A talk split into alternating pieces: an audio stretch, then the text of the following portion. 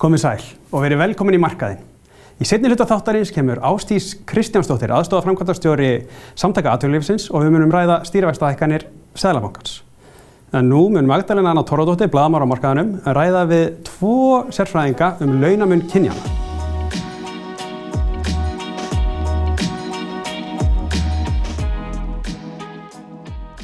Þakkar fyrir það Helgi Vívill. Launamunur kynjana hefur dreyið saman undan förnum misserum. Í nýjútgefinni skýslu Hagstofunar kemur fram að leiðrættu launamunur kynjana árið 2019 hafi verið 4,3%. Óleiðrættu launamunur þar að segja launamunur þegar ekki tekið til til starfs, atvinnu eða mentunar mælist um 14%. Ég fengi hinga til mín tvo góða gesti til þess að ræða þessi málefni. Annars vegar Steininu Bradóttur, stjórnamann í, í samtökunum Feminísk fjármál og hagfræðing og hins vegar Helga Tómasson, prófessor í tölfræð og hagransóknum við Háskóla Íslands. Velkomin bæðið tvö. Takk fyrir. Takk. Uh, Steinun, ef við byrjum kannski á þér. Það Já. kom til til að nýla út skýsla á vegum starfsóp sem fórstæðisrándið skipar. Mm -hmm. Sem að var falið að kafa ofan í það akkuru þau störf sem konur velja sér í meira mæli séu metin minna virði heldur en þau sem kalla sækst í. Mm -hmm. þið í feminísku fjármálum hafið skoðað þessi mál, hvernig horfur þetta við ykkur? Sko það er náttúrulega, þessum starfsópi var settar svona mjög ákveðnar skorður og þau áttu að kafa ofan í það hvernig um, kynskiptur vinnumarkaður hefur áhrif á launajafnbreytti. Er, þetta er það sem ég gengi út frá. Um, við í feminískum fjármálum fögnum þessari skýrslu, tökum undir um, það sem kemur það fram og ég var að, já, þú veist, ég held að um, sá að voru komin einhverjar 30 umsagnir um skýrsluna og hérna aðalega frá félögum hvernast þetta og það verðist að vera mjög mikil sátt um þetta meðal þeirra og ég held að það skiptir máli. Þannig að, já, við erum yfir höfu bara jákvæðar gagvart þessari skýslu um, og talum að það sé mikilvægt og er komið tími til að endurum þetta verði þessar kvennastjætta, hvernig sem það kemur svo út þegar, þegar farið er í þetta, þessa, hérna, þetta endurmat um, en það verður þetta bara komið ljós og við erum spenntar. Einmitt, en er ekki sangjant að störf sér metin út frá fjárhókslim ávinningi? Jú, en það er samt, minnst alveg vafarsamt að nota það uh, af því að það eru þessar stóru kannastættir, það eru, það eru mikið umönnustörf og ég held að við höfum bara sem samfélag vanmeti það hvernig höfst, virðið sem að þessar stjættir skapa. Ég held að við höfum, uh, höfst, ákkamati þá eru við með stert velferðarkerfi en við höfum byggt það á lálunustjættum og við höfum ekki, við höfum ekkert neginn ekki, það hefur, það eru eiginleikar í þessum störfum sem eru ekki metnir til launa og ég held að það, veist, hvort sem að það er bara vegna þess að við sem samfélag höfum ekki einhvern veginn, já, náum ekki utanum uh, þetta virðið þessar starfa, það er, um, en já, ég held að það sé báðsamt að setja þetta þannig fram. Helgi, þú hefur lagst í mikla rannsóknir á launamun kynjana og gaggrínt þá sem vilja meina hans sé til staðar. Eh, þú verður meirist að vísa til þess að launamun kynjana sé hindurvitni. Getur þú svona útskilt hvað þú átt við með því? Já, ég get gert það. Þetta er sem sagt sko eh, svona aðferðafræði eins og þessi nýju skýslu eh, þarna hagstofnar er bara svona sama í gömlur skýslunum og á sér svona 50 ára sögu og þá var maður sem hétta Oaxaca sem að reiknaði svakalegt verk með eh, mikla á gögnum og það reiknaði held afreg á sínum tíma að fá útkomu. En hins vegar uh, sáum enn fljóðlega að þessi aðferðarfræði hendaði ekki og hefur verið skrifað um það í kjenslabækur í hagrásóknum og uh, þetta er sem sagt má skýra svona einn eitt gallin er náttúrulega að sá að, þarna, að þetta er útkoma úr vali, þetta sem að fólk velur að vinna, fólk velur að gifta sig og svo framvegis og það þarf einhvern veginn að taka til þetta þessa valsmekanisma. Og hérna ég má nefna dæmisögur sem ég lærið fyrir 40 árum. Þá ætlum menn að finna út hérna ef menn eru að reyna að þróa róandi líf og gerðu tilröðinni með róttur og hérna völdu 16 róttur hætti að 30 teimur og þessar sem fengur líf voru bara miklu rólegri. Svo kom ég ljósa hérna var feill, að feillin var sá að gömlu og feitu rótturnar voru þannig að það var auðvöldar að ná þeim þannig þær völdu sér meðferð og í þessum hérna þegar homo sapiens er að reikna sína velferð þá fer það fram við eldhúsborðu og það er fyrirtæki sem er kallað hjónaband að þá sýtja hjónin þar og reikna út hvað er mesta hagnaðar fjölskyldunar og það er best að þú vinnir svona mikið og svo framvegis.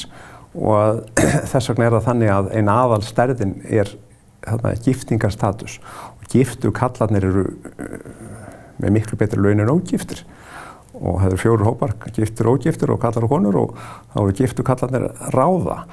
Og svo var náttúrulega fullt af svona, svona tölfræði villum sem að er, eru gerðar og ég skrifaði það í svona sérstaklega grein sem virtist fyrir tíu árum vegna þess að þá var svona bábíli í bandaríkjunum þar sem menn alltaf fara að setja lög og einhver konu sem heitir June O'Neill skrifaði hérna í Washington Post sko hérna þeir, there is no epidemic of gender discrimination.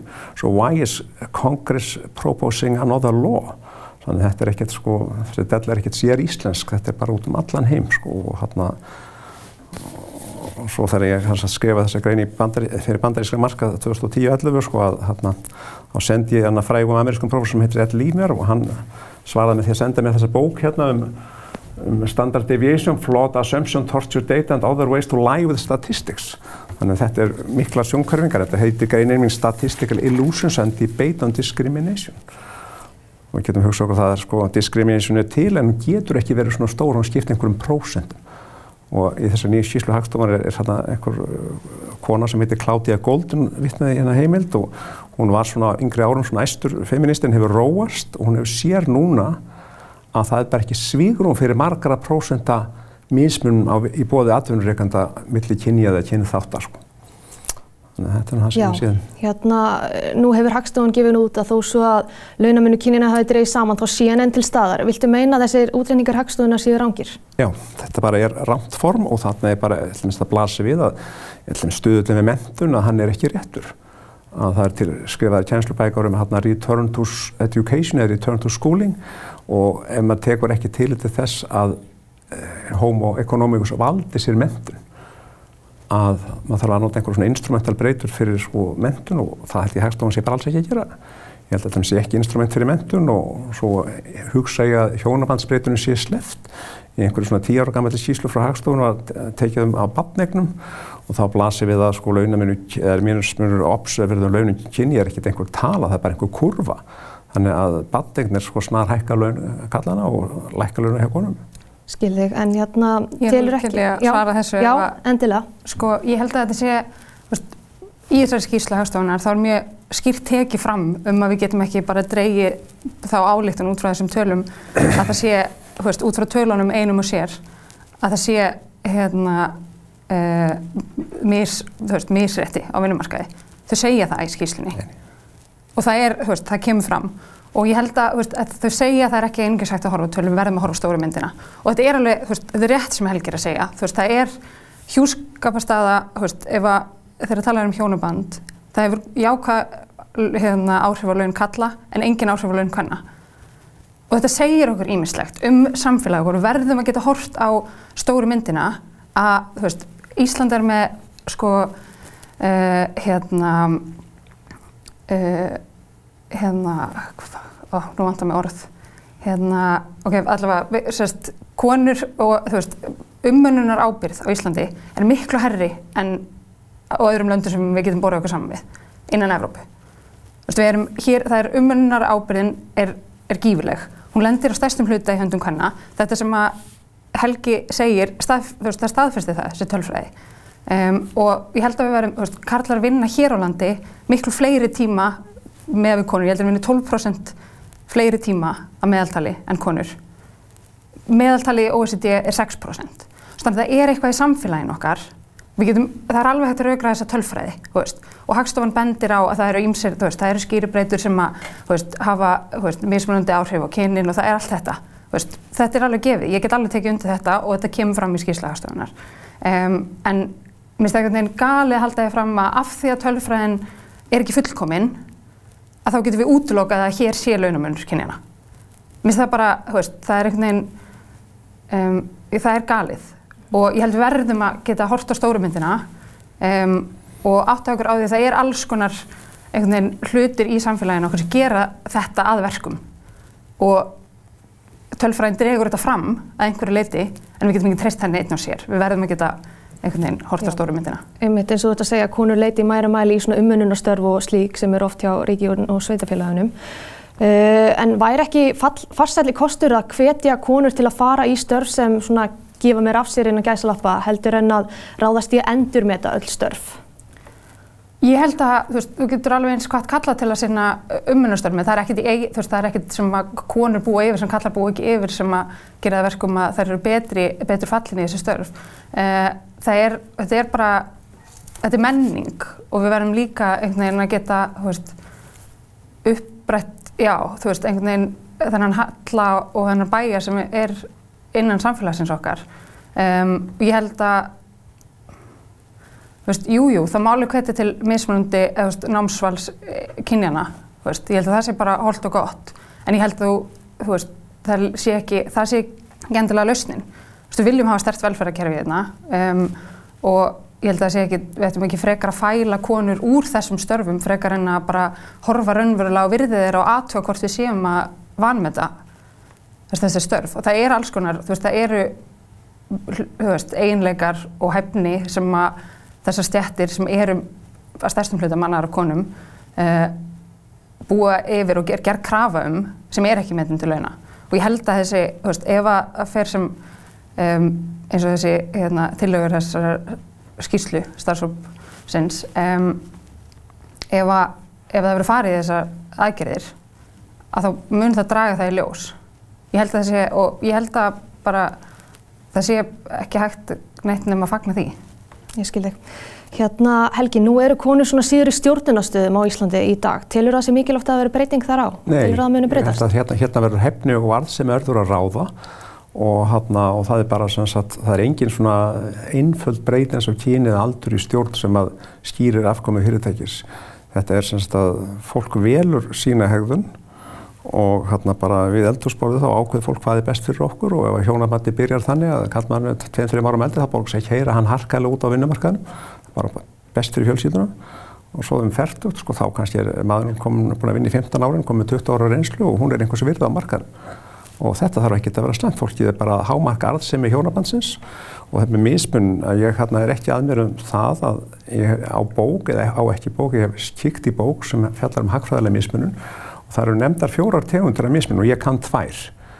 Og það er hérna, hérna taste of discrimination, mér finnst bara gaman að nýðast á rauðþörðum og svo statistical discrimination að það er að maður stimplar eiginleika hóps á einstakling þá sér þetta einhvern, þegar ætlum þekktu dæmur um hann að kallmenn og tryggingafélug og ungir drengir og látnir borga herri bílatryggingur, þess að þú tilir hópnum kallmenn góðum minn og þess nátt að borga meir alveg saman þó hann sjálfur sé varkár. Og þetta er sumstæði viðgengist og, og hann með allar þessar fjóra tegundur af discriminationu gildir að, að þetta er ekki almennt. Mismunin er frávik frá hennu frjálsa markaði að þú hefur alkoholist sér það frændaðinni í vinnu og hann er verri starfskraftur en hann fær að vera í vinnu. Þessa stefnu er ekki hægt að vera með allstaðar og það er ekki hægt að hérna, stunda mismunum svo skipti einhverjum prósentum af umfangi vinnumarkans. Það er bara ekki þannig. Gary Beck er Nobelsverðun að hafa í hagfræði setti þetta fram 1957 held ég að, að mismunum verður að vera þannig að það er ódýrt fyrir þann sem beitir inn að nota hana og hann verður að bitna harkalega á fórnalambinu. Annars skiptur hann einhver máli og ef að beita harkalega, bitna harkalega fórnalamb þá verður fórnalamshópurinn að vera frekar lítill og þetta verður að kosta hinn frekar lítill. Þannig að svígrúmi fyrir að, að beita mismunum sko, atfyrirreikundi geta allams ekki gert það, það er bara ekki, þeir hafa ekki hagrænt svígrúm til þess. Þannig að ég held að það sé ekki eins sko mísrétti eða neitt svoleiðis, þetta er bara, við mælum hérna mismundi hegðuna því að fólk hefur mismundi preferensa og ég held að hjónabandi sé svakalega stór þáttur í þessu, þessu mun og ekkert sérstaklega æskilegt að fara að draga úr hún. Þetta getur verið að þetta sé bara mjög skynsalega munur. Já, ég ætla að fá að gaggrina þetta með Já. hjónaböndin. Af því að það að þú segir, höfst, að kon, höfst, hjónaband ef það er þá kona og karl, að, hérna, að það, þar sé þá bara tekin ákvörðun út frá því hver, hver er með hæri laun og hver, þú veist, hvað skynnsamlega er til að vera heima. En ég held að, þú veist, það er akkurat þetta, það eru þessar fossendur, veist, konur eru að meðaltali með læri tekjur. Það er, við höfum tölfræðið um það, hvort sem þá, við erum þá ekki endilega að tala um mismunun á vinnumarkaði, heldur bara konur eru, þær eru líklæri til að vera hlutastörfum, þær eru líklæri til að vera vinna hjá hann og ofnbæra og tala um þetta veist, að vera alltaf að setja einhvern veginn ábyrðin á að konur þurfa bara að vera dugleri. Konur þurfa bara að vera dugleri að sækja sér stjórnarnastöð, konur þurfa bara að vera dugleri að sækja sér mentun sem er metinrétt til launa. Þetta er, þetta er einhvern veginn ekki, eh, ég held að við höfum bara mismunandi skilning á kannski samfélaginu sem heilt mér heyrist það, af því að í, í grunninn er þetta, það var bara þessu ári sem að e, hérna, vera að skilda sérst, e, báða einstaklinga í hjónubandi eða sambúði eða foreldra til að taka jæmt fæðingarólof. Það er svona hlutir sem hafa áhrif, við erum, strag, við erum bara fyrst á þessu ári að leiðrétta þennan, þennan mun. Og þetta mun hafa áhrif á launajafrætti á vinnumarkaði.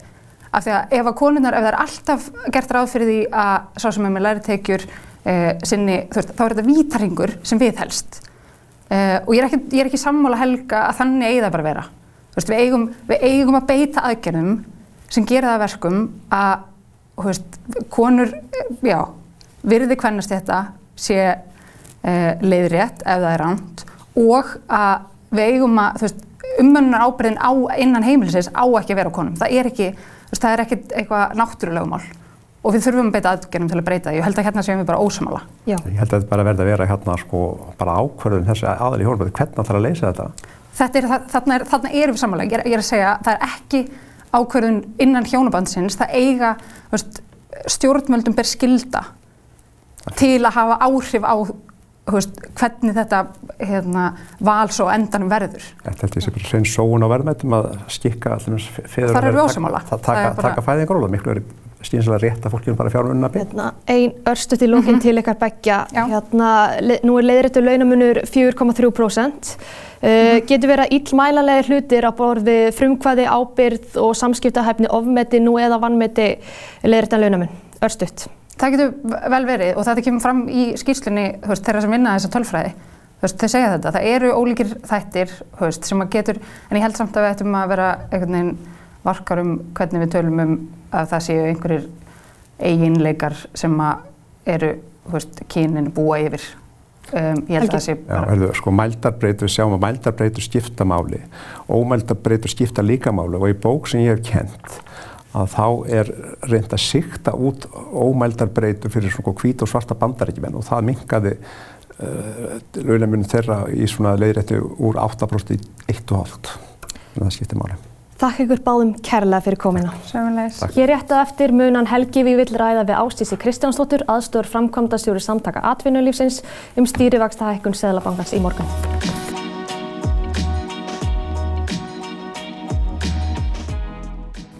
Komið sæl, markaðurinn heldur áfram. Ástís Kristjánsdóttir, aðstofa framkvæmdastjóri samtaka atvinnulífsins, er komin hérna til mín. Verður sæl. Sæl. Herðu, nú var Sælabankin að hækka stýravextu um 25 punta og er þá komið í 1,5%. Hvernig horfið þessi hækkun eður? Já, þetta var í raun viðbúin hækkun. Ég held að svona flestir voru að gera ráð fyrir 25 punta til 50 punta vaksta hækkun. Raunin reyndist vera 25 punta og mér finnst svona Uh, ljóst að Sæðlabankin er í vakstahækunaferli en, en hann ætlar að taka greinilega varfærin skref, mm. svona smærri skref um, og að mínu mati var tótnin í yfirlýsingunni og hvað maður heyrði þarna á vaksta ákvarðina fundinum svona heldur mjúkur. En það er ekki þar með sagt að þeir séu ekki að fara að hækka frekar vexti, þeir eru svona að fylgjast með stöðunni og vega og meta bara hvort og hversu mikið frekar vakstahækkan eru framöndan. Og hvað áhrif heldur að þessi stýravakstahækkan hafi þá fyrir atvinnulífið því að því að nú er nú eru því gengur nú misvel atvinnulífinu. Það er að segja ferðarþjónustan sem hefur verið á okkar börðarstólpi í gældirisöflun er ennþá að sleika sárin en það er fullu gangur í verslun og þjónustu til dæmis. Já það er vissilega rétt. Staðan er gríðarlega ólík eftir því hvaða atvinnugreinu við erum að horfa til og þessar vakstahækkanir hafa auðvitað beina áhrif á fyrirtækinn í, ég meina, skuldsett fyrirtæki er að finna fyrir eh, hækkun vaksta um, og, og greiðslipiri þeirra auðvitað eh, eigst. Þetta hefur áhrif á fjárfestingu í landinu og við erum að sjá það, jú fjárfesting er vissulega að taka við sér en samt sem áður erum við enn á þeim stað að svona hafðkjörfið er að rýsa en, en við viljum auðvitað líka sjá frekar fjárfestingar framöndan og eitt af því sem við erum til dæmis að sjá í hagtölum Sælabankans er að útlán til fyrirtækja hafa ekkert verið að aukast eða svo maður segja Þannig að, að vakstahækkanir Sælabankans hafið þetta bein áhrif á fjárfestinga ákvarðanir e, fyrirtækja hvað þetta varðar. Og svo þetta líka e, má nefna að vakstabitt Sælabankans er þeimun meira líka kakvart heimilónum. Nú erum við að sjá það að heimili hafi í auknum mæli verið að sækja í óvertri lán þriðjungur heimila er á óvertröðum breytilegum lán, vöxtum þannig að vakstahækkanir Sælubankars hafa bara beina áhrif á, á greiðslubyrði slíkarar lána og svo er þarna 20% af, af húsnæðslánum heimila á, á föstum óvertröðum vöxtum. Mm -hmm. Taland um húsnæðislánin að þá er, á erður er í raun og vera að hækka stýrivexti vegna þess að húsnæðisleðurinn hefur farið á flug Þannig að... Henn og aftur. Henn og aftur og þú byrti nú grein hjá okkur þar sem varst nú fjallum það að húsnæðislegin nætti í raun og verið ekki að ráða förvarðandi eh, stýravexti selvankars. Já, við höfum í raun upplefað það hér áður og þetta er ekki fyrsta og líklega ekki síðasta skipti sem að húsnæðisliðurinn er svona drivkraftur verðbólgunar. Við sáum það nú bara síðast 2016 og 17 og svo líka upplefið það mjög stert hér á árunum 2004 til 2007 þar sem að vaksta stefna selvankans markaðist í raun af bara eða það má í raun segja eignaverðshækkanir mm. stýrðu vaksta stefnu selvankans. Á þeim tíma var, hins vegar megin stjórntæki Sæðlabankars í raun bara eitt, vakstatækið.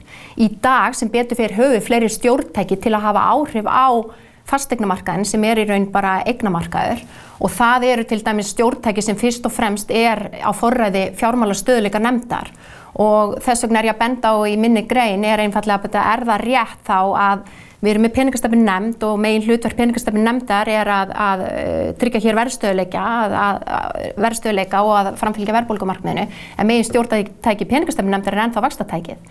Er það, eða til við skimsalega hjá okkur, við erum með fastegnumarkaði sem er fremur, þetta er smár markaður svona í alþjóðlegum samanbörði, er kannski skimsanlegra að, að húsnæðislinn sé frekar á forræði fjármálastöðuleika nefndar og við sjáum það sem dæmi núna að nú er það fyrst og fremst fjármálastöðuleika nefnd sem er að bregðast við þessu ójafvægi sem hefur myndast á fastegna markaði. Það er í raun það sem er að knýja áfram verðhækkanir á fastegna markaði er fyrst og fremst á frambóðskortu sem hefur myndast. Vissulega hafa launahækkanir og vakstalækkanir seglabankans jafnframt áhrif en megin þungin eða, eða það er að segja he, sterkustu áhrifin er að koma vegna þess frambóðskorts sem við erum að sjá nú í, í talningu og bara á markaðunum almennt. Þannig að þú ert í raun og verið að segja að ákverðanir Sælabankans markist að ykkur leiti af ákverðanum hjá Reykjavíkuborg?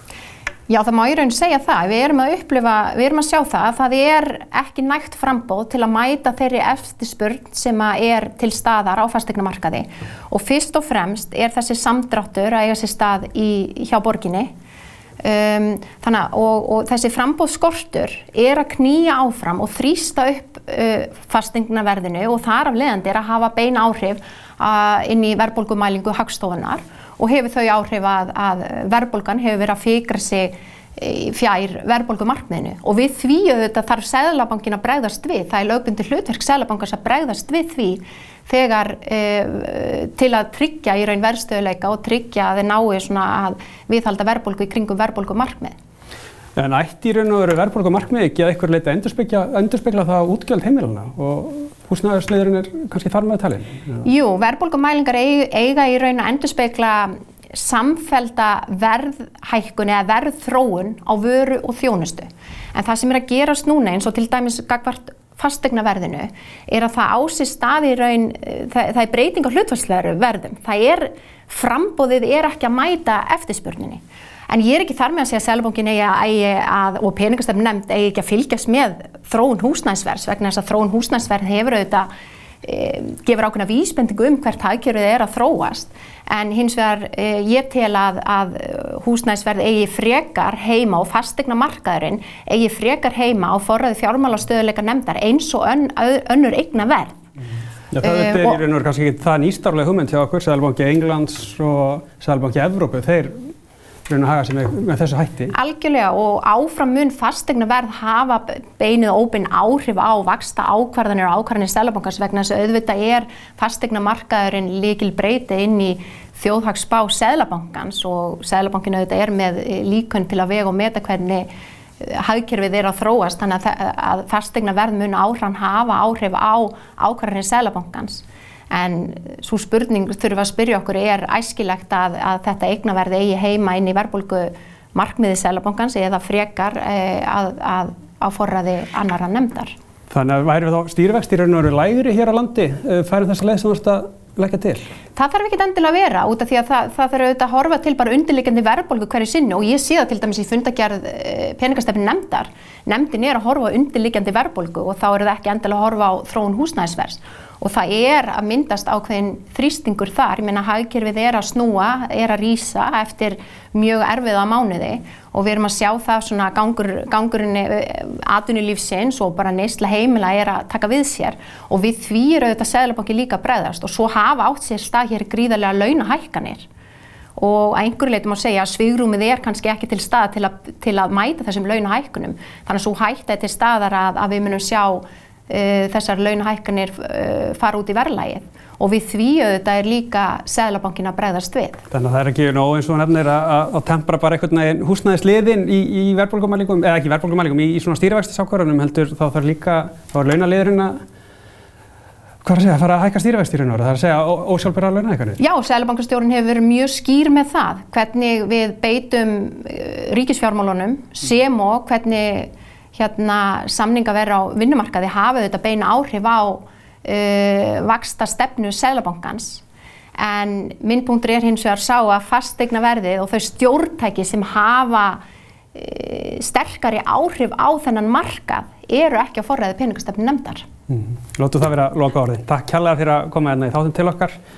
Þátturinn verður ekki lengri að sinni. Þátturinn verður svo aftur á miðugudaginn klukkan 7. Það er að segja frumsýndu þá. Takk fyrir kærlega fyrir að horfa. Sjáumst næst. Bless, bless.